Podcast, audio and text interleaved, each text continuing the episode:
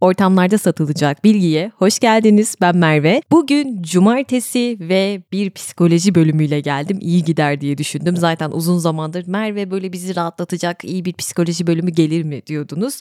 O gün bugündür arkadaşlar. Böyle sıcacık kahvelerinizi alın, arkanıza yaslanın. Başlıyoruz çünkü uzun bir bölüm olacak. Hemen başlayalım. Bugün klinik psikolog ve entelektüel bir isim Jordan Peterson'ın hayat hakkında 12 tavsiyesini anlatacağım sizlere. Aynı adlı bir kitabı da var zaten. Kendisi Toronto Üniversitesi'nde psikoloji profesörü ve Harvard'lı ünlü bir akademisyen. Aslında dünyaca ünlü diyebilirim. Ama çok fazla seveni olduğu gibi çok fazla sevmeyeni de var ki e, Jordan Peterson'ın Yükselişi diye bir belgesel var. Onu izlerseniz zaten neden sevilmediğini net bir şekilde göreceksiniz. Ben onun homofobikliğinden ve siyasi görüşlerinden asla haz etmemekle beraber sadece klinik psikoloji alanında yapmış olduğu çalışmalara değineceğim. Çünkü çoğu insan hayatımı değiştirdi diyor Jordan Peterson için. O yüzden önemli bir isim. E, ve onun tavsiyeleriyle hayatını gerçekten yoluna soktuğunu söyleyen çok fazla isim var. O yüzden bugün ona değinmek istedim. Bugün anlatacaklarım kendi tabiriyle kaosa, panzehir ve ruh halimizi düzenlememize iyi gelecek 12 kuraldan bahsedeceğim sizlere. Peterson'ın çok sevdiğim bir sözü oldu. Onunla başlamak istiyorum. Diyor ki bir şeyde ne kadar iyi olursanız olun ya da başarılarınızı hangi rütbeye yerleştirirseniz yerleştirin bir yerlerde sizi yetersiz gösterecek biri mutlaka vardır. Çok doğru değil mi? Ve diyor ki başlayanlar muhtemelen daha fazlasını elde edeceklerdir. E ben de daha fazla uzatmadan başlayayım o zaman. Öncelikle hayat için birinci kuralımızla başlıyoruz.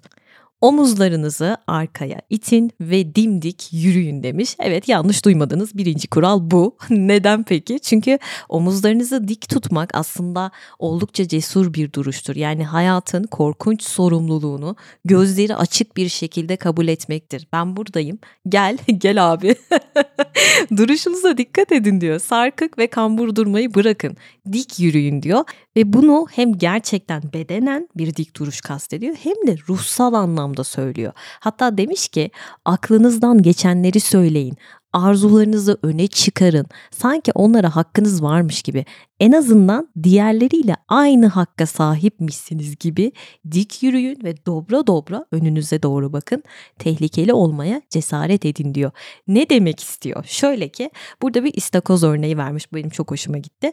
İstakozlar neredeyse dinozorların olduğu dönemden beri var ve insanlarla şaşırtıcı derecede benzer özelliklere sahipler.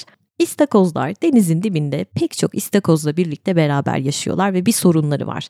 Denizin dibinde onlar için çok az sayıda güvenli barınak, güvenli yer var. Çünkü kayaların aralarında böyle izole bir şekilde yaşıyorlar biliyorsunuz. Ve hepsi kayaların arasındaki o güvenli alanda yaşamak istiyor. Tıpkı bizler gibi bizler de en iyi evlerde oturmak istiyoruz. Ne bileyim en lüks semtlerde belki oturmak istiyorsunuzdur. Ya bu insanoğlunda da var. Ama dediğim gibi az yani bu imkana kavuşacak e, istakoz sayısı az. Çünkü kaya sayısı az. Kıymetli o yüzden bu kayalar. Peki buraya kim yerleşecek bu durumda? Aralarında en baskın, en güçlü olan istakoz buraya alacaktır diyor. E, o eve sahip olmak için kavga etmekten de geri durmazlar diyor. Ama burada bir püf nokta var. İşte kural da zaten burada. Bazen bir istakozun o kayanın arasında yaşayabilmek için, o nadide yerde yaşayabilmek için kavga etmesine bile gerek kalmaz. Sadece dik ve özgüvenli duruşu bile yeter diyor. Bir kazanan gibi davranmamızı istiyor. Çünkü zamanla kazanan istakozların beyin kimyası değişmeye başlıyormuş. Kazandıkça beyinde serotonin artıyormuş. Serotonin biliyorsunuz mutluluk hormonudur. İşte bu da serotoninden dolayı duruşuna yansıyormuş istakozun. Daha özgüvenli, daha vakur ve daha cesur duruyor. Ve karşısındaki istakozlar diyor ki aa bir dakika bu böyle duruyorsa bir bildiği vardır.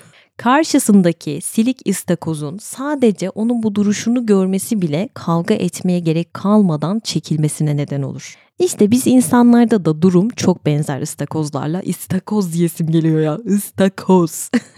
biz de yenildiğimiz zaman bu istakozlar gibi omuzlarımızı düşürüyoruz. Duruşumuz kamburlaşıyor. Yani incindiğimiz, kaybettiğimiz her halimizden belli oluyor. Depresyonda olan insanların duruşlarına dikkat edin veya işte çocukluklarında zorbalığa uğrayan insanlara bakın. Hüzünleri, incinmişlikleri postürlerine direkt yansır. Kendilerini böyle savunmaya almış gibi dururlar. Dimdik durmazlar. Özgüvenli bir duruşları yoktur diyor. İnsanlarla göz teması bile kurmaya çekinirler. Bu da onları diğer insanlar için daha kolay bir hedef haline getirir diyor. Çünkü dışarıdan duruşlarından belli olur o endişeleri, ruh halleri. Hatta kendilerini bir süre sonra toplumdan da izole ederler ve iyice yalnızlaşırlar. E, bu da onları böyle daha savunmasız, daha saldırıya açık hedef bir hale getirebilir. Çünkü yalnızlar. O yüzden birinci kural dik durun hem fiziksel hem ruhsal anlamda. Çünkü bunu yaptığınız zaman e, ruhunuz da bir şekilde ayağa kalkacaktır. Dik dura dura özgüveniniz artacak. Kötü bir postür, kambur bir duruş ruhunuzu kötü yönde etkiler.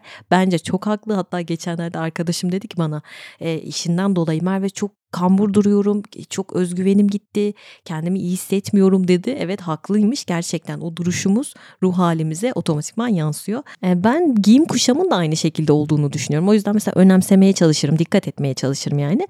Bunun nedeni tamamen kendimi iyi hissetmek. Hani kadınlar kendileri için süslenir diyorlar ya bence haklılar ya.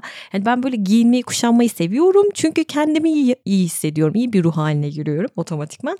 Hatta üniversitede işte sınav döneminde çoğu kişi böyle eşofman onlarla geliyordu. Yataktan kalktığı gibi geliyordu. Ben normal günlerin daha da daha da ötesinde hazırlanıp gidiyordum. Hatta üniversitenin ilk senesinde işte sınav zamanıydı. Böyle bir tık geç kalmıştım. Hocamız böyle kapıdan girdim şey dedi bana. Bu kadar süsleneceğine keşke biraz ders çalışsaydım falan demişti. E beni tanımıyor hani ilk senemiz. Sonra notları açıklarken en yüksek notu ben alınca tabii böyle bir inanamamıştı. Lanet olası ön yargılar. E ben bütün sınavlara öyle giderim. Çünkü özgüvenim enerjim yükselir otomatik olarak böyle daha iyi hissedince de sınavım daha iyi geçer. Benden size bir tavsiye, bir deneyin derim bunu. Şimdi kadınlara soruyorum. Topuklu ayakkabı giydiğiniz zaman özgüveniniz artmıyor mu? Veya bazı erkekler neden böyle sırf üniforması için bir meslek seçiyor? Misal deniz subayları, polisler değil mi? Bırakın duruşumuzu yani kılık kıyafetimiz bile psikolojimizi otomatikman etkiliyor. Giydiğimiz şeyin karakterine bürünüyormuşuz gibi geliyor bana. İstakozlar da işte sadece bu duruşlarıyla bile karşı tarafa üstünlüğünü kabul ettiriyor. Bakın beden duruşundan bahsediyorum. Ve sonuç olarak ne oluyor? O ıstakozlar en iyi eve sahip oluyorlar ve hatta en iyi dişiye bile sahip oluyorlar. Çünkü dişi ıstakozların e, bu en güçlü statüdeki erkek ıstakozların etrafında kolaçan olduğu görülmüş. Kadınlar güçlü erkek sever. Yenilen ıstakozların e, serotoninin düştüğü gözlenmiş ve bu duruşlarına bile yansıyor dediğim gibi tıpkı biz insanlar gibi ve gitgide daha da dibe vuruyorlar. Tıpkı insanlar gibi hiçbir farkı yok. Hayvanlarda bile sosyal statü var, hiyerarşi var ve bu hiyerarşide en aşağıda olmak çok acı verici. Bu onları strese daha duyarlı bir hale getiriyor. Yani stres demek ne demek? Ömrümüzün kısalması, hastalıklara davetiye çıkarma demek. Peki ne yapacağız? Bu makus talihimize susup oturacak mıyız? Hayır. Şöyle ki değişebilirsiniz diyor. Herkes değişebilir, dönüşebilir. Değişime ayak uydurun, harekete geçin diyor. Çünkü bu kaderiniz değil diyor. Tıpkı Alice Harikalar Diyarında kraliçenin dediği söz gibi. Benim krallığımda aynı yerde kalabilmek için elinden geldiğince hızlı koşmalısın Alice. Kıpırdamadan duran hiç kimse ne kadar iyi yaratılmış olursa olsun zafer kazanamaz. Bir de birinci kuralda şu vardı. E, bizim beynimizin en derinliklerinde böyle çok eski bir hesaplayıcı varmış arkadaşlar. Bu da bizim toplumdaki konumumuzu hesaplıyormuş. 1 ile 10 arasında bir ölçekte değerlendiriyormuş. Yani tam olarak nerede konumlandığımızı belirliyormuş. Eğer bir numaradaysanız en yüksek statü seviyesinde çok başarılısınız demek ve bu yaşanacak en iyi yerlere, en kaliteli yiyeceklere önce erişim imkanı, romantik ve cinsel anlamda daha büyük bir şans elde etmek demek ve daha nicesi tabii. Eğer e, aşağı doğru inen bir yerdeyseniz mesela ondasınız falan çok düşük statü demek. Yani tam tersi imkanlar sizi bekliyor diyor Jordan. Dolayısıyla e, bu sizin ruh halinize iyi gelmeyecek bir durum. Yani beynimizin kendimize biçtiği değer ve statü. Beynimizin baskınlığını da değerlendirmekte uzmanlaşmış olan bu parça aslında başka insanların bize olan davranışlarıyla şekil alıyor. Bunlardan gelen kanıtlarla bizim değerimizi saptıyor ve bize bir statü tahsis ediyor beynimiz. Yani eğer çevremiz bize az değer veriyorsa ve bunu böyle iliklerimize kadar hissediyorsak bu sayaç ne yapıyor? Serotonin erişimimizi hop kısıtlıyor. Bu da bizi duygu üretebilecek her tür durum ya da olaya özellikle olumsuz olaylara karşı fiziksel ve psikolojik olarak daha tepkili kılıyor. Sürekli de biz bu tepkiselliğe ihtiyaç duymaya başlıyoruz. Sürekli alarmdayız, sürekli tetikteyiz. Bu ne yapıyor peki? Aşırı fiziksel tepki ne yapıyor? Enerjimizi dibe vurduruyor ruhsal ve fiziksel anlamda. Sonuç eşittir stres. Yani hemen hemen bütün hastalıkların sebebi zaten stres dediğim gibi. Bu sayaç bu kadar önemli. Hatta bağışıklık sistemimizi bile kapatabilir ve gelecekteki sağlığımız için gerekli olan o enerji ve kaynakları şimdinin krizlerine harcar. Ve tabii bu sayacın böyle çalışmasında rutinlerimiz de çok etkili. Eğer böyle düzensiz bir uykunuz varsa, saçma sapan bir beslenmeniz varsa o sayaç tabii ki de sapılacaktır diyor. Hatta Jordan klinik hastalarına ilk önce neyi soruyormuş biliyor musunuz? Uyku durumunu. Çok saçma gelecek belki ama uykunuz nasıl diye soruyormuş. Bir rutinin var mı, yok mu? Çünkü şöyleymiş yani uyku konusunda bedenin eğer bir rutini yoksa uyku konusunda o belirsizlik, o keşmekeş eşittir anksiyete ve depresyondur diyor. E sonra diyor kahvaltılarını sorarım diyor danışanlarım. Nasıl bir kahvaltı rutininiz var? Çünkü vücutları o saçma sapan tempoda çok fazla insülin salgılıyor olabilir mi diye bakıyormuş ki yapılan araştırmalar da zaten bunu kanıtladı. Beslenme alışkanlıklarımız direkt ruh sağlığımıza etki ediyor. Yüksek şeker tüketimi olanlar depresyona daha eğilimli oluyor biliyorsunuz. Hatta %25 oranında bence hiç az değil. Hatta geçenlerde bir caps görmüştüm. Böyle bol yulaflı, yoğurtlu, frambuazlı, muzlu bir kahvaltı kasesi fotoğrafı. Yanında da şöyle yazmışlar. Bunu yiyen kızlar dikkat ettiyseniz hep mutlu. Dalgasına yazmışlar ama bence o gerçek. Hani şey vardı ya Dinle Küçük Adam diye bir kitap vardı. Orada diyordu ya bana nasıl olduğunu söylemene gerek yok. Hani ruhen zaten ben bedeninden görüyorum senin nasıl olduğunu diye. Ben yumuşattım tabii aslında daha sertti. ya size şunu sormak istiyorum. Böyle düzenli spor yapan birini gördüğünüz zaman ya da işte yediğine içtiğine oldukça dikkat eden birini gördüğünüz zaman onun hakkında ne düşünüyorsunuz? Yani bana Instagram'dan yazar mısınız? Ben de şu izlenim uyandırıyorlar çünkü. Diyorum ki bu insanın kendisine saygısı var abi. Yani kendini, vücudunu, sağlığını önemsiyor. Ne güzel diyorum, ışıl ışıl diyorum. Bakın karşı tarafa böyle kendimce bir değer biçtim değil mi? Hani sayat çalışıyor dedik ya. Bir de e, beynimiz beden ve sosyal dünya arasında olumlu geri besleme döngüsüne takılabilecek birçok etkileşim sistemi var. Mesela depresif insanlar e, kendilerini kötü hissettikleri dönemde aynı zamanda işe yaramaz ve diğer insanlara bir yük gibi görmeye başlayabiliyorlarmış bir süre sonra. Ve bu da yakınlarından böyle gitgide uzaklaşmalarına, yalnızlığa doğru yol almalarına neden oluyormuş. Yani gitgide daha da içeri kapanarak daha e, yoğun bir depresyon demek bu. Bir silsile halinde. İşte bu da da e, baskınlık sayacının üzerinde etkili arkadaşlar. Çocukluğunuzda veya ergenliğinizde yaşadığınız bir olay, sizde travma yaratmış bir olay yetişkinliğe bir şekilde sirayet edebiliyor. Ve bunu atlatamamakta ne oluyor? Kolay kırılganlığa sebebiyet veriyor, içe kapanmaya sebebiyet veriyor. Hatta e, bir savunma kalkanının arkasında yaşamamıza neden olabiliyor. Yani bu zorbalık sonlansa bile hayatınızdaki etkisi bir şekilde devam edebiliyor. En dipten, en yukarı çıkmış ama geçmişinde böyle bir yara almış olanlar belki onu aştığını zannediyor bir yerlerde. Kariyerine tutunuyor, çok büyük bir hızla yükseliyor. Ama ne oluyor? O önceki gerçekliğe karşı, geçmişindeki olaylara karşı anlık böyle ters etkili fizyolojik uyarmaları hala sürüyor olayın. Hala stres altında, hala şüphe içerisinde ama kendi bile farkında olmayabiliyor. Ne yapalım peki?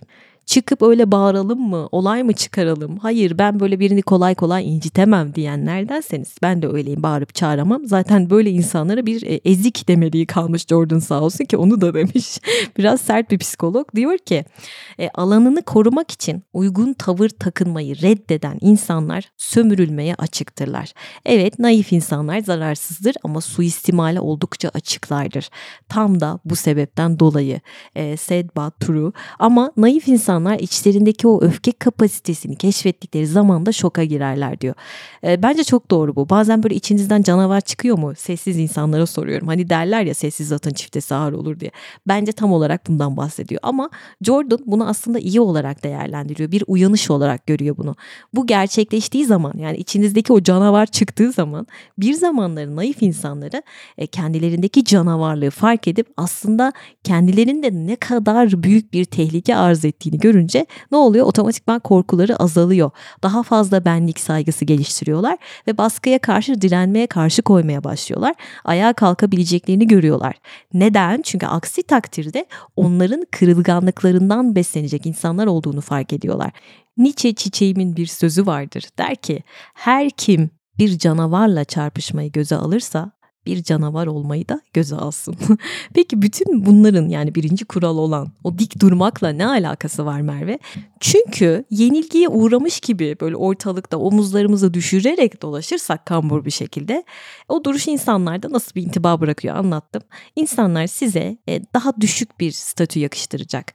Beyniniz yeterince serotonin yani mutluluk hormonu salgılamayacak. Bu da sizi o daha üzgün, daha kaygılı biri haline getirecek ve hakkınızı korumanız gereken yerlerde ne yapacaksınız? Geri adım atacaksınız. E, ayrıca ne iyi bir eş, ne iyi bir iş bulabileceksiniz diyor. Ne de üst kalite bir yaşamınız olacak diyor. Klinik psikolog Jordan Peterson. E, o zaman ne yapıyoruz? Bir an önce Seda Sayan duruşuna geçiyoruz. Dik ve vakur. Beden dilimizi değiştiriyoruz. Yani biri size dese ki bir araştırma yapıyoruz. Siz de deneksiniz. Böyle sürekli üzgün görünmenizi istiyoruz sizden. Bir süre sonra siz o kadar hani üzgün görünüyorsunuz ki sürekli sürekli o haldesiniz. Sadece yüzünüz o role bürünmez. Ruhunuz da ona uyum sağlar, yüzünüze uyum sağlar. O yüzden bulunduğumuz ortamdaki beden dilimize dikkat etmemiz gerekiyor. Omuzlarınız şu an öne düşük, böyle göğsünüz içe çekik, başınız önde duruyorsanız kendinizi aciz ve güçsüz hissetmeniz çok normal. O yüzden hemen dik bir pozisyona geçiyoruz. Zaten karşı tarafta dediğim gibi bunu öyle algılıyor. İnsanlar sizin duruşunuzdan ruh halinizi görebiliyorlar. Ne zaman omuzlarımız düşse bu istakozları hatırlamalıyız. İstakoz diyorum hala ıstakoz. İçinizdeki ıstakozu kucaklayın diyorum ve beden ve zihin birbirleriyle bağlantılı. Bunu unutmayalım. Bağlantılı çalışıyorlar. Beynimizdeki o baskınlık hanemize yüksek skorlar diliyorum ve ikinci kurala geçiyorum. Birinci kuralı bu kadar anlattım. 12 kural var. hemen bir ara vereyim. Merve bir kahve koyup geleyim diyenler olabilir. Ben de hemen bol köpüklü bir cappuccino yapayım kendime. Podcast yaparken mutlaka kahve içiyorum. Oo demek evde cappuccino yapıyorsun hem de bol köpüklü diyenler olabilir. Bak sen şu keyfe. Benim evde baristam var arkadaşlar. Old But Gold takipçiler biliyor. Hatta şimdi duyduğunuz onun sesi Adı da Philips Latte Go 5400. Evimizin, ofisimizin baristası. Yumuşacık süt köpüğüyle böyle latte'den sert bir espressoya kadar 12 farklı içecek yapabiliyor benim baristam. E, dokunmatik ekran üzerinden böyle damak tadınıza göre kahvenizin yoğunluğunu, sertliğini, su miktarını, süt miktarını her şeyini ayarlayabiliyorsunuz, kişiselleştirebiliyorsunuz. Her zaman aynı lezzette kahveyi zahmetsizce içebilmek için kendi kahve tercihinizi kaydedebiliyorsunuz arkadaşlar. 4 farklı kullanıcı profiline kadar kaydedilebiliyor ki benim en sevdiğim özellik bu. Philips Latte Go 5400'de bulunan farklı profillere evin her bir üyesi ya da arkadaşlarınız bir renk profili seçiyor ve o renk profilinde onun favori kahve ayarları oluyor. Böyle bir arkadaşım geldiği zaman direkt onun renk profili neyse ekrandan onu seçiyorum. Hop mis gibi kahvemiz hemen hazırlanıyor. Bu arada bitkisel e, sütleri ve laktozsuz sütleri de çok rahatlıkla kullanabilirsiniz. Kahve makinesinde süt deyince de korkanlar var biliyorum. Onu kim temizleyecek şimdi Merve dediğinizi duyar gibiyim. Philips Latte Go 5400'ün süt sistemi yalnızca iki parçadan oluşuyor. Hortumu falan yok. O yüzden böyle tutuyorum 15 saniye suyun altına hemen temizleniyor. Hatta bulaşık makinesine de atabiliyorsunuz. Ben kahvemi çok sert seviyorum diyenler için extra shot fonksiyonu var ki benim en çok kullandığım özelliklerinden birisi bu. Kahvemi de acıtmadan yapıyor. Bence bu çok önemli. Size de ne kalıyor? Bir tek güzel anılarınızın tadını tadını çıkartmak kalıyor. Açıklamalara bırakmış olduğum linkten evinizin, ofisinizin baristası Philips Latte Go 5400'ü mutlaka inceleyin derim. Hadi devam edelim. Sırada ikinci kural var. Kendinize yardım etmekten sorumlu olduğunuz biri gibi davranın diyor. Çoğumuz başkalarına yardım ederken ne oluyoruz? Bir melaikeye dönüşüyoruz. Aman tanrım bir melek koşuyoruz oradan oraya. Ama iş kendimize gelince böyle eczaneye gidip bir ilaç bile almıyoruz. Çoğu insan bunu yapıyormuş bu arada. Eczaneye gidip ilaçlarını almıyorlarmış. Diyor ki nasıl olabilir ya? Hani Jordan çok şaşırmış buna. Bir insan nasıl kendi ilacını almaz, başkalarınınkini alır? Yani başımızda bir halimiz eksik ya başkalarına yardım edeceğimiz zaman. Dediğim gibi iş kendimize gelince o hiç umurumuzda değil. Ee, aslında buna bir bölümde daha değindim ama hangisi olduğunu hatırlamıyorum şu an. Ee, hani demiştim ya işte kadının evde eşi ve çocukları yokken kendine yemek bile yapmıyor. Bir arkadaşım var işte kendine yemekler hazırlıyor hiç kimse yokken mükellef sofralar kuruyor diye hiç üşenmiyor. Ne kadar güzel demiştim. Kendine ne kadar güzel değer veriyor demiştim. Oradan yine örnek vereceğim. Jordan da diyor ki ya biraz diyor saygıyı hak ediyoruz ya. Biraz saygıyı hak ediyorsun. Kendin için olduğu kadar başkaları için de önemlisin kardeşim bunu gör diyor. Ahlaki olarak kendinize bakmakla yükümlüsünüz diyor. Şimdi çocuğunuz hastalandığı zaman ona nasıl bakıyorsunuz? İlaçlarını yemeğini böyle koşuyorsunuz değil mi? Dört dörtlük vermeye çalışıyorsunuz. Veya annenize babanıza hatta kedinize köpeğinize aynı şekilde çok büyük bir özen gösteriyorsunuz. Soruyorum size aynı özeni kendimize gösteriyor muyuz? No. Peki bir soru daha. Kendinize verdiğiniz sözlere ne kadar sadıksınız? Bunu da bir cevaplayın bence. Neden böyle yapıyoruz? Buraya gelelim. Çünkü biz kendimiz hakkında çok şey biliyoruz. Gizli ihlallerimizi, yetersizliklerimizi, noksanlıklarımızı, acizliğimizi, en zayıf noktalarımızı, her şeyimizi böyle en iyi bilen kim? Sadece biziz. Kimsenin bizi küçümsemek, böyle acınası görmek için daha fazla bir nedeni yok. Bizden daha fazla bir nedeni yok. Biz ne yapıyoruz? Kendimize iyi gelecek şeyleri kendimizden esirgeyerek aslında kusurlarımız için yine kendimizi cezalandırıyoruz bir yerde. O yüzden işte zararsız, masum, böyle utanacak hiçbir şey olmayan o kediciklerimizi, köpeklerimizi diyoruz ki bizden daha fazlasını hak ediyor öyle düşünüyoruz. Ama köpekler de kediler de diğer canlıları hayvanları öldürebiliyor. O zaman da diyoruz ki evet ama işte ama onların doğaları öyle yapacak bir şey yok. Çünkü onların bunun için bir sorumlulukları yok. Onlar kötü değil sadece açlar ve utanma duyguları yok. Bakın kılıflar uyduruyorum. Onlar acı ve ölüm karşısında bizim gibi zavallı değiller. Çünkü eksikliklerinin farkında değiller ama biz farkındayız değil mi? Ve biz bize neyin korku ve acı verdiğini de biliyoruz. Hatta başka başkalarını nasıl acı çektireceğimizi de çok iyi biliyoruz. Sizce bu yırtıcılıktan daha kötü değil mi? Soruyorum size. Korkunçluğumuzun farkındayız. Kendi kötülük kapasitemizin farkındayız. E, ama diğerlerini kendimiz kadar bilmiyoruz. Ben sizi sizden iyi tanıyamam. Belki de o yüzden o çocukluğun masumiyetine sürekli bir özlem duyuyoruz değil mi? O masumluğu özlüyoruz sürekli. Kısacası şu arkadaşlar kural 2. Kendinize başkalarına gösterdiğiniz özen ve ihtimamı gösterin ve şu soruyu sorun. Kendime gereken özeni gösterirsem hayatım nasıl değişebilir diye kendinize bir sorun. Bu sağlığınızı iyileştirmek olabilir, bilginizi genişletmek olabilir, bedeninizi güçlendirmek olabilir. Bunlar için ne yapabilirim diye bir sorun kendinize. Şu an tam olarak hayatımın hangi noktasındayım ve rotamı nasıl çizebilirim? Bunu sorun. Hangi kariyer beni zorlayarak daha üretken ve daha faydalı kılar? Payıma düşen yükü sırtlanırken e, sonuçlarından keyif almamı ne sağlar? İyi bir insan olmak ve öyle kalmak için kendi kendinize verdiğiniz sözleri tutun ve kendinizi ödüllendirin diyor. Kendinize lütfen başkalarına davrandığınız gibi davranın diyorum ve kural 3'e geçiyorum. Kural 3 şu arkadaşlar. Sizin için en iyisini isteyen insanlarla arkadaşlık kurun. Bence çok doğru. Şöyle bir arkadaşlarınızı düşünün. E, bu arkadaşlarınızdan hangisine kefil olursunuz? Ben seni eşime tavsiye ederim, dostuma, kardeşime tavsiye edebilirim diyebiliyor musunuz? Yani ben bu insana kefilim kardeşim diyebileceğiniz kişiler mi bu arkadaşlar? Değillerse eğer neden hayatınızdalar bunu sormanızı istiyorum. Neden dünyayı, dünyanı daha da kötü yapan birine ihtiyacın var diye sormak istiyorum. Bazen insanlar kendi değerlerini bilmedikleri zaman ya da belki de e, hayatları için sorumluluk almayı reddettiklerinde böyle insanlarla arkadaşlık kurabiliyorlarmış ve Freud buna diyor ki yineleme zorlantısı. Şu demek bu geçmişimizin dehşetlerini böyle bilinçsizce tekrarlama dürtüsü bu. Geçmişten ders almayı bilmeyenlerin kendilerini e, onu tekrarlamaya mahkum etmesi yineleme zorlantısı dediğimiz olay. İnsanlar sırf bu sebepten dolayı kötü arkadaşlar edinmezler sadece bu değil. Bazen sırf birini kurtarmak istedikleri için de bunu yaparlar. Kurtarıcı pozisyonu. Geçen gün bunu bir arkadaşımla konuşmuştuk. Yani bir arkadaşı için dedi ki ben kurtarıcı olmak istemiyorum. O yüzden ondan uzak duracağım artık. Çünkü çok sorunlu biri o dedi.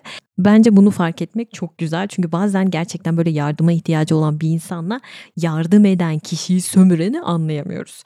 Eğer e, naifliğinizden dolayı bu kurtarıcı rolüne girmiyorsanız bunun altında büyük bir kibir ve narsisizm var diyorlar arkadaşlar. Belki de size kötü gelen insanlarla birisine iyi geleceği için değil sırf daha kolay bağ kurabildiğiniz için bağ kurdunuz ve devam ettiriyorsunuz bunu.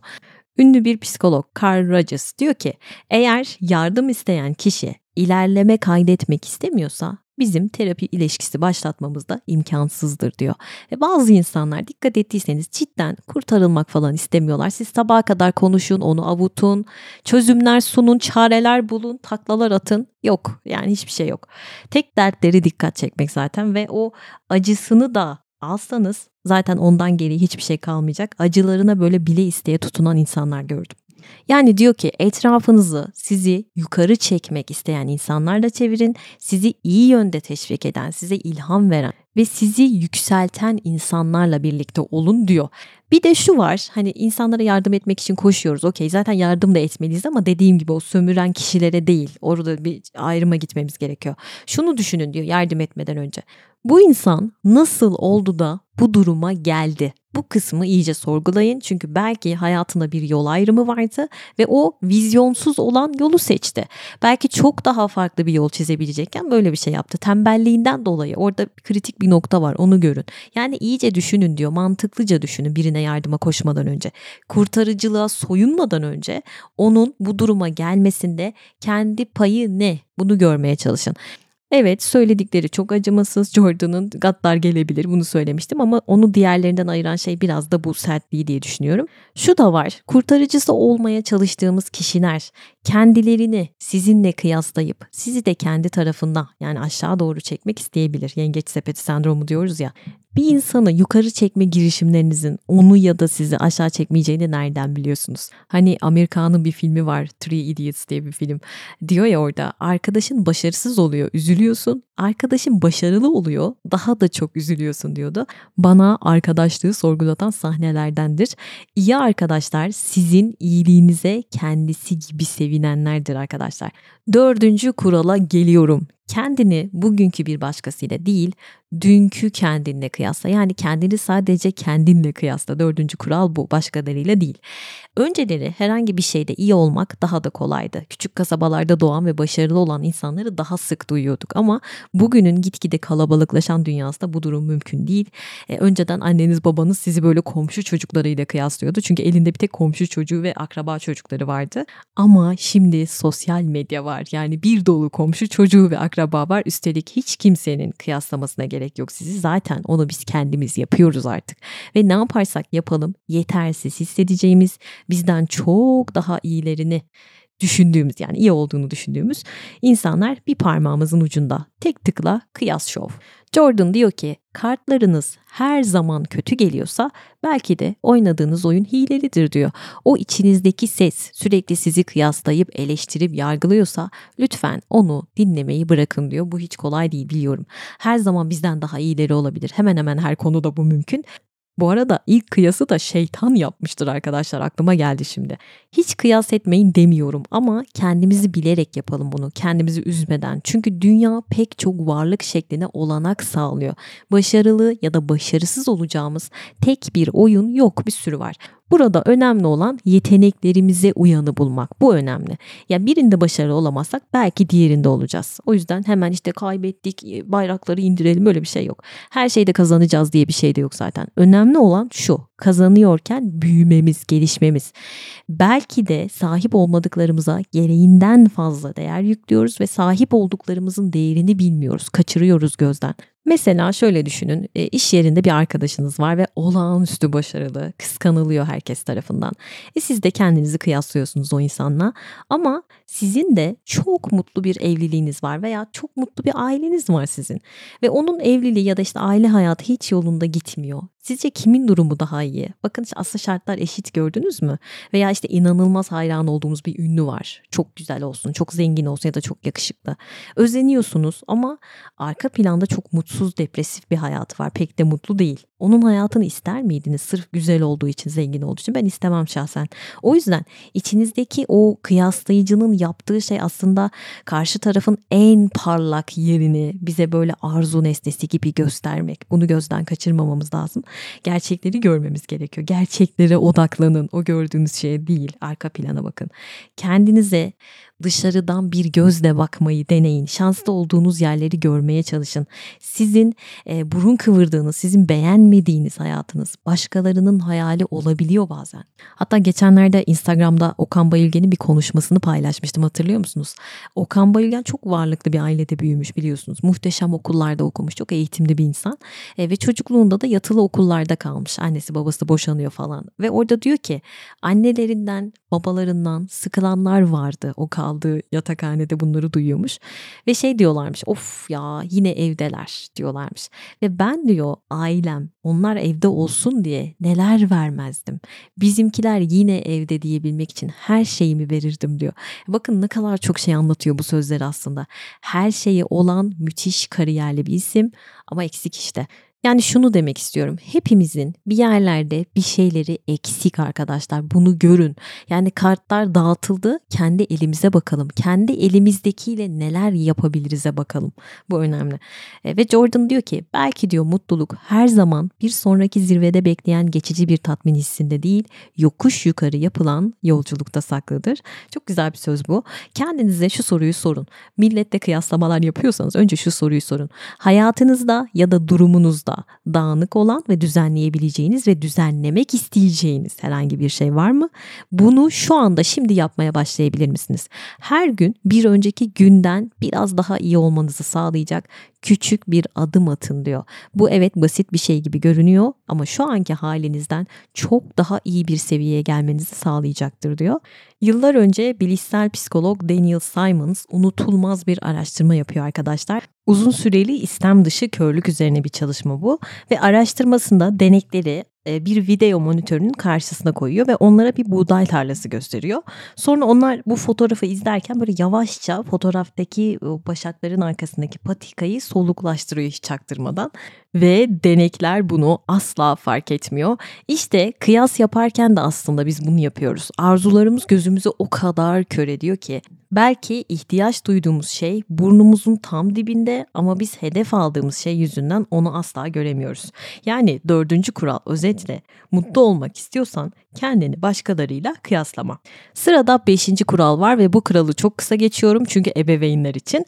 Beşinci kural çocuklarınızın onlardan hoşlanmamamıza neden olacak hiçbir şey yapmasına izin vermeyin diyor. Özetle diyor ki sizler çocuklarınızın bazı davranışlarını evladınız diye tölere edebilirsiniz okey ama toplum bunu etmeyecektir. O yüzden çocuğunuz bir süre sonra acı çekecek. Toplum tarafından reddedilecek çünkü.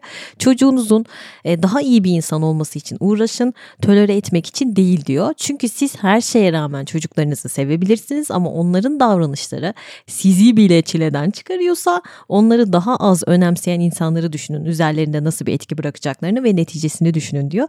Bir de onlarla arkadaş olmaya çalışmayın diyor. Çünkü hayatları boyunca zaten pek çok arkadaşlar olacak ama sadece bir annesi babası olacak.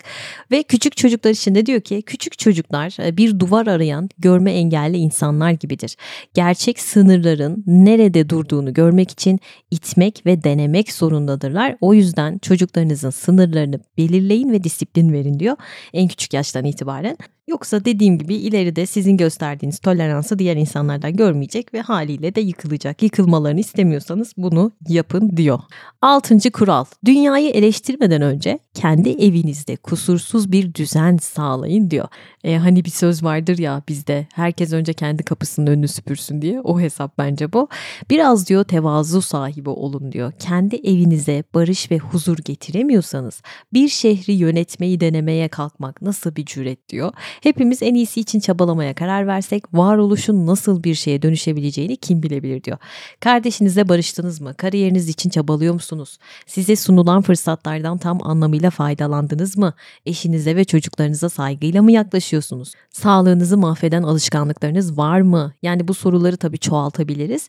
Önce kendinizden başlayın. Kendi hayatınızı düzeltin ve düzenleyin diyor kısaca. Ve kendinize döndüğünüz bu zaman diliminden sonra artık başkalarını yargılama süreciniz de iyileşecek diyor Jordan. Kural 7'ye geldim arkadaşlar. Diyor ki anlamlı olanın peşine düşün. Kolay ve kestirme olanın değil. Yani yaşam kısa. Göz açıp kapayıncaya kadar bitecek. Zamanla adımız sanımız unutuluyor. Yaptıklarımız bir süre sonra hatırlanmayacak. Hiçbir kimse bizi hatırlamayacak. Hani derler ya adını bilen işte en son kişi hatırlayan son kişi öldüğü zaman hiç doğmamış gibi olacaksın. E peki ne yapalım? Anlamlı bir hayat yaşayın diyor. Ama nasıl? Şöyle, şimdi değerli bir şeyden vazgeçilerek gelecekte daha iyi bir şeye erişebilirsiniz diyor. Bazı fedakarlıklar yapmamız gerektiğini söylüyor geleceğimizi iyileştirmek için. Mesela e, parti canavarı bir üniversite öğrencisinin işte tıp fakültesini kazanması için partilemeyi bırakması gerekiyor değil mi? Biraz fedakarlık yapması gerekiyor hayatını iyileştirebilmek adına. Hazzını ertelemesi gerekiyorsa yapması gerekiyor geleceği için. Bunu söylüyor. Ve bazen işler yolunda gitmediği zaman nedeni dünya değildir diyor. Nedeni öznel ve kişisel olarak en çok değer verilendir diyor. Fedakarlık yapacağınız şey de burada saklı olabilir. Dikkat. Ya burada mesela verdiği örneklere böyle hayretler içerisinde kaldım. Gerçi kitabın tamamında böyle örnekler veriyor. Baya baya muhafazakar bir adam dini görüşler açısından. Hatta bu kitabı okurken şey dedim ben böyle direkt İncil yazsaydın abi falan dedim. Çünkü her kitabında dini örnekler vererek ilerliyor. İncil üzerinden ilerliyor ve çok sevmeyen insan var. Peterson'ı çok seveni de var. Yani ortaya karışık bir şeyler ama dediğim gibi çok tutmuş bir kitap olduğu için ve çok tanınan bir isim olduğu için klinik psikoloji alanında ben de bugün o yüzden bunları sizlerle paylaşıyorum. Ama dediğim gibi bu her görüşüne katıldığım anlamına gelmiyor. Burada mesela şey demiş yani dini örnek veriyor dedim ya fedakarlıkla ilgili. Fedakarlığın nirvanası olarak Hazreti İsa ve Tanrı örneğini vermişti burada. Yani baba, oğul, kutsal ruh. İşte Hazreti İsa çarmıha gelindiği zaman son sözleri baba beni neden terk ettin olmuştu ya. Burada kendini böyle Tanrı'ya feda ederken daha iyinin hatırına her şeyini, varlığını feda eden biri olarak, dindarlığın nüvesi olarak değerlendiriyor bu olayı. Tanrı'nın da aynı zamanda Hristiyanlara göre oğlunu feda etmesini aynı şekilde değerlendiriyor.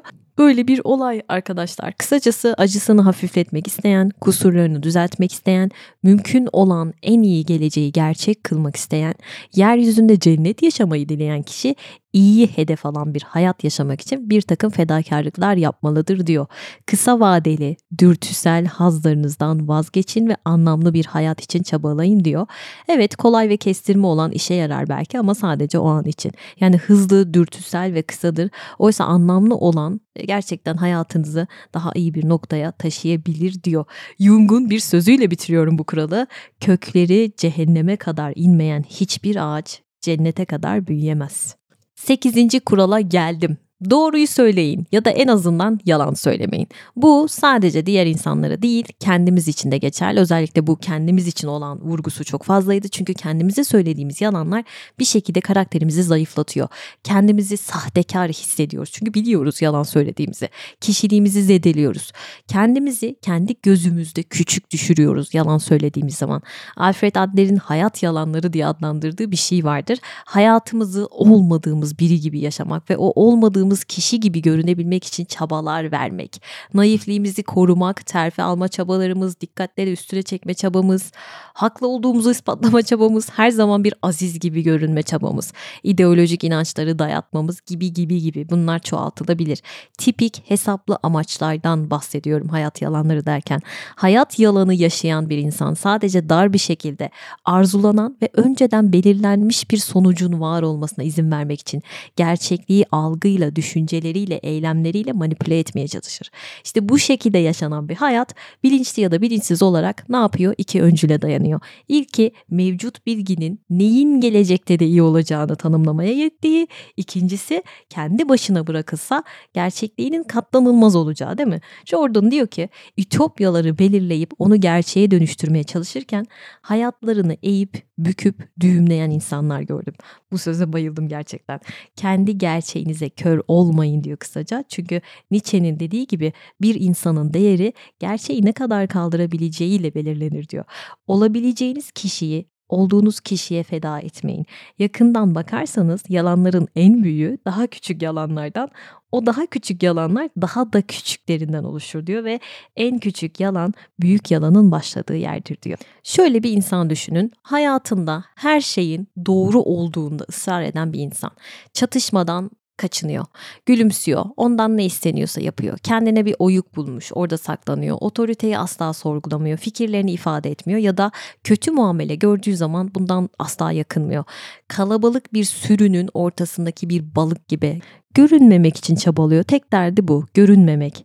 Ama gizli bir huzursuzluk içinde içi içini kemiriyor. Yalnız ve tatminsiz e, ve öte yandan itaati ve kendi kendini yok etmesi aslında hayatındaki bütün anlamı ortadan kaldırıyor. Artık bir köleden başka bir şey değil. Başkalarının sömüreceği bir aletten başka bir şey değil.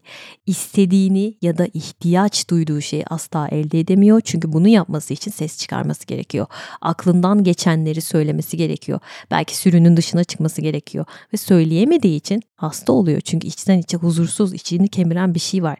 İşte böyle saklanan biri hayati önem taşıyan biri değildir diyor Jordan. Hayati önem taşımak orijinal katkıyı gerektirir diyor. Saklanmak uyum sağlayanı hiçbir şeyden korumaz diyor. Başkalarından saklanmak gerçekleştirilemeyen benliğin potansiyelini bastırmak ve saklanmak anlamına gelir ve sorun budur diyor. Bir de şu var hayır demeyi bilmemek. Hayır demeyi bilmezseniz kendinizi kandırırsınız. Bir hayat yalanı yaşarsınız ve bunun sonucu karakterinizin zayıflaması olacaktır diyor. Alfred Adler'in hastalıkları yalanların doğurduğunu söylediği gibi Carl Jung da aynı şeyi söyler. Hastalıklar yalanlardan dolayı doğar der. Yalan varlığın yapısını çarpıştırır ve işte bu gerçek dışı olan yani yalan hem ruhumuzu hem de devleti bozar bir şekilde. Çünkü toplumu bozuyor bir silsile halinde gidiyor. Önce aileyi toplumu derken gidiyor. Yani her iki bozulma şekli birbirini besliyor bir şekilde ve bir bakıyorsunuz herkes yaralanmış bu yalandan dolayı. Bu arada kendinize yalan söylemeyin derken şunu da kastediyor. Kendi varlığınızla yüzleşin. Ne olduğunuzda ve ne olmadığınızda dürüstçe yüzleşin. Olmadığınız biri gibi davranmak da kendinize söylediğiniz bir yalan çeşididir diyor. Kısaca her zaman doğruyu söyleyin diyor. Kural 9. Dinlediğiniz kişinin sizin bilmediğiniz bir şeyi biliyor olabileceğini varsayın. Her şeyi bilemeyiz arkadaşlar. Herkes bir şeylerin cahili hep söylüyorum bunu. O yüzden karşınızdaki insan her kim olursa olsun onu mutlaka dinleyin. Çünkü sizin bilmediğiniz şeyleri mutlaka biliyor olabilir. Bir şeyleri biliyordur. Ve bu da sizin sohbet etmenizi sağlar. O sohbetten keyif almanızı sağlar. Eğer dinliyorsanız gerçek anlamda. Çok katılıyorum ben bu kurala. Çok da yapmaya çalışıyorum böyle herkesle sohbet etmeyi seviyorum ya. Hiç alakamın olmayacağı şeyleri dinlerken buluyorum bazen kendimi. Geçen bir arkadaşıma şey dedim ya. Don pervanesi ne dedim anlat. E bunu ilk kez soran sensin dedi bana. Böyle bayağı inciğini cıncığını sordum. Halbuki tarım mı yapacağım ne alakası var ama sordum yani.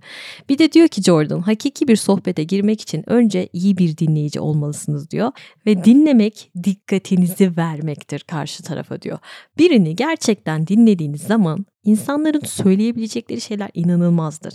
Hatta bazen insanları dinlediğiniz zaman kendi sorunlarınızı bile çözebilirsiniz. Nasıl çözebileceğinizi bile bulabilirsiniz diyor. Bu gizemli ve keyifli bir şeydir diyor. Ama dinlemeyi biliyor muyuz gerçekten? Pek zannetmiyorum. Çünkü insanlar böyle birini dinlerken hemen bir değerlendirme yapma ihtiyacı hissediyor. Ya karşı tarafı böyle bir salmıyoruz böyle rahat rahat içini döksün. Hemen böyle müdahil olacağız, araya gireceğiz, konuşacağız bıdı bıdı. Bir susmuyoruz, bir dinlemiyoruz ya. Bunu çok gözlemliyorum. Ya da işte ay şu sussa da ben bir konuşsam modu var. Onu da sevmiyorum. Ya da sohbet ederken hep böyle bir zafer kazanmaya çalışanlar. Ya bak gördün mü benim dediğim doğruymuş işte. Benim ideolojim, benim tuttuğum takım, ben, ben, ben. yani Sokrates'i yaşayan en bilgi ilan eden Delphi kaini. Bunu neden yaptı? Çünkü o bilmediğini biliyordu. Bildiklerinin bir hiç olduğunu biliyordu. Belki karşı taraftan bir şeyler öğrenebileceğini. O yüzden dinlediğiniz kişinin sizin bilmediğiniz bir şey biliyor olabileceğini asla unutmayın. Dinlemek söylemekten yeğdir diyor Mevlana. Beni de dinlediğiniz için teşekkürler bu arada yeri gelmişken ama çok konuştum ya bıdı bıdı Merve. Neyse 10. kurala geldik sabır açık ve net konuşun diyor 10. kural bu. Yani e, Rihanna'nın Monster parçasına benzettim ben bunu. Yatağımın altındaki canavarlarla arkadaşım diyor ya orada. Şöyle düşünün e, bir ormanda gidiyorsunuz ve sesini duyduğunuz ama görmediğiniz bir şey var. Ve siz korkudan kafanızda fantaziler kurmaya başlıyorsunuz. Acaba kaplan mı, timsah mı bir yerden aslan mı çıkacak ne olacak falan diye düşünmeye başlıyorsunuz. Ve arkanızı dönüp bakmaya cesaretiniz yok ve bakmadığınız için bir süre sonra o ne olacak ejderhaya dönüşecek değil mi? Bakmıyorsunuz çünkü kafanızda iyice kuracaksınız iyice büyüteceksiniz ve o ejderha olacak. Aslında belki o bir sincap bile olabilir.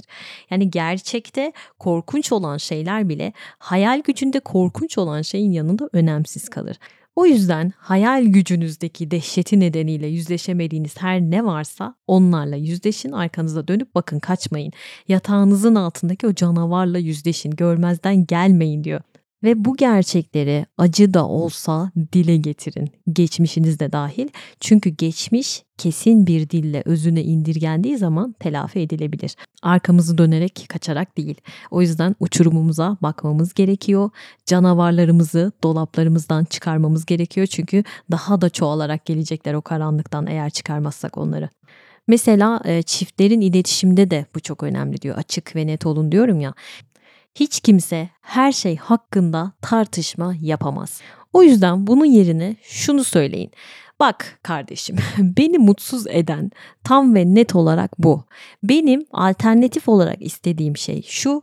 Senin de benim de hayatlarımızı mahvetmememiz için yani buna bir son vermemiz için bu mutsuzluğumuza yapabileceğimiz şeyler tam ve net olarak bunlar bunlar deyin. Lafı dolandırmayın. Tam olarak ne istediğinizi ifade edin. Açık ve net bir şekilde ifade edin. Hani Güneş'in şarkısında dediği gibi ne ki benden istediğin diyor ya. Eğer bunu demezseniz şarkının devamında diyor ya burnumdan geldi. Tüm aklımdakilerden kaçmak epey bir zaman aldı. Bunu söyleriz. O yüzden ne kastettiğimizi açık ve net olarak söylüyoruz karşı tarafa. Oturuyoruz, hatalarımızı da dinliyoruz güzelce. E, bunları düzeltmek için çabalıyoruz, anlıyoruz, anlamaya çalışıyoruz ve ne istediğimizi itiraf ediyoruz. Anlaşılabilir oluyoruz arkadaşlar. Kural bu. Gelelim kural 11'e. Kaykay yapan çocukları rahatsız etmeyin. Bu tabii ki bir metafor. E, bunu çok kısa bir şekilde açıklayacağım. Şöyle Diyelim ki e, çocuğunuz kaykay yapıyor. Böyle işte atlıyor zıplıyor merdivenlerden kaykayla. O esnada böyle yüreğini sop oturup hop kalkar ya. Yapma yavrum aman düşeceksin falan. ya kim olsa böyle yapar diyeceğim ama şimdi Kenan Sofoğlu geldi aklıma çocuğunu biliyorsunuz. Ya bu yanlış bir tutummuş. Onun gelişimine engel oluyorsunuz. Bırak diyor ya düşe kalk acı çekerek deneyimleyerek öğrensin. Hayatta nasıl başa çıkacağını öğrensin her şeye karışmayın abi diyor. Yani bırakın acı çeksin. Aman üzülmesin yavrum aman bilmem ne yapmayın bunu diyor. Çünkü kaykay yapan çocuklar zaten güvende olmayı falan amaçlamıyor. Öyle bir dertleri yok. E işte şu merdivenden atlayayım da oh güvende olayım. Böyle bir şey yok. Zaten amaçları beceri kazanmak diyor ama sen ona engel oluyorsun o şekilde diyor. O yüzden e, insana hayatta en hakiki güvenliği bu becerileri sağlar. Bırakın diyor çocuklarınızı. Şimdi aklıma film geldi size bir film önereceğim. E, Koda zaten Oscar almıştı bu film. Orada bir genç kız vardı sanırım adı Ruby'di. E, sevgilisiyle olan bir sahnesi var böyle evde. Böyle yakınlaştıkları bir sahne var. Çocuğun ona bir itirafı var orada. İzleyin diye anlatmıyorum. E, kaykay metaforuna bence çok cuk bir örnek o sahne. İzleyin arkadaşlar. Pişman olmazsınız güzel bir film. Ruby yani genç kız o kadar zor şartlarda büyümüş ki ve öyle bir karakter geliştirmiş ki bir de o yaşıtı olan sevgilisine bakın. Yani eğer aşırı korunursanız hayatta beklenmedik şeyler karşınıza çıktığı zaman çuvallayıp kalırsınız. Mesela e, burada Jordan kendinden de bir örnek vermişti. E, bir iş yerinde çalışıyormuş ve oradaki erkekler ona böyle çok garip bir lakap takmışlar. Hoş olmayan bir lakap. Hafif de böyle dalga geçiyorlarmış. Yani yeni gelen erkeklere genelde böyle yapıyorlarmış. Ama Jordan diyor ki ben diyor bunu kişisel algılamadım. Öyle çılgın tepkiler vermedim ve şunu söylüyor. Bilmiyorum doğru mu? Ya erkekler dünyasında böyle bir şey varmış. E, birbirlerini bu şekilde sınıyorlarmış. Hani bir güç testiymiş aslında bu. Ve burada güçlü tepkiler veren erkekler diğerlerinin dostluğunu kazanırken böyle kişisel algılayanlar olgunlaşmamış güçsüz erkek olarak görülüp dışlanıyorlarmış. İşte böyle adamları kadınlar da tercih etmez diyor. Onları diyor olgunlaşmamış bir çocuk olarak görürler. Çocuk adamı hiç kimse istemez diyor. Gerçek adamı ister kadınlar diyor. Ve zaten akıllı bir kadın kendi gibi hatta daha akıllı birini ona daha fazlasını verebilecek olan bir adamı arzular diyor. Yani Jordan'ın böyle beylik lafları var. Alıştım artık ben. E, o yüzden özellikle de erkekleri bir çocuğunuz varsa erkek çocuğunuz özellikle tehlikelerden izole etmeyin diyor. Çünkü bunu yaparsanız ona kötülük yapmış olursunuz diyor. bisküviden yapılma bütün evlerin içinde çocukları mideye indiren bir cadı yaşar diyorum ve 12. kurala geçiyorum. Sokakta karşılaştığınız kedileri, köpekleri okşayın. 12. kural bu. En tatlı kural bu olabilir bence. E, ben bunu şeye benzetiyorum. Gülten Akın'ın ah kimselerin vakti yok durup ince şeyleri anlamaya satırlarına benzetiyorum. Kural şu, etrafınızdaki o küçük güzellikleri, mucizeleri görün. Yani bir gün batımının eşsizliğini, bir kedinin güzelliğini, e, bir çiçeğin eşsizliğini görmeye çalışın ama gerçek anlamda görmekten bahsediyorum. Yani burada anlatmak istediği şey çevrenizdeki güzellikleri görmeye çalışın. Küçük güzellikleri, mucizeleri görmeye çalışın. Hani Jack London'ın bir sözü var ya, çiçekler hep varsa kim ne yapsın onları? Çok seviyorum bu sözü. Daha önce de belki söylemişimdir etrafımızda o gördüğümüz o küçük şeyler, küçük mucizeler diyorum ben onlara. Belki böyle her gün önünden geçip gittiğimiz, varlığının farkında bile olmadığımız şeyler var. Onlar bir anda böyle yok olsalar aslında dünyamızda ne kadar büyük bir yerleri olduğunu anlarız. Umarım yok olmazlar da. Yani dünyadan düşünsenize çiçekler, ağaçlar, hayvanlar silinse ya da işte ne bileyim her gün güneş doğuyor değil mi? Alıştık ona o ihtişamla doğan güneşe. O kadar güzel doğmasa ya da doğmasa demek istemiyorum. Dilim varmıyor. Hayvanlar olmasa dediğim dediğim gibi hayat ne kadar anlamsız olur ya bir düşünsenize. Yani eğer dikkatinizi verirseniz her gün etrafınızda sayısız mucizeler görürsünüz emin olun.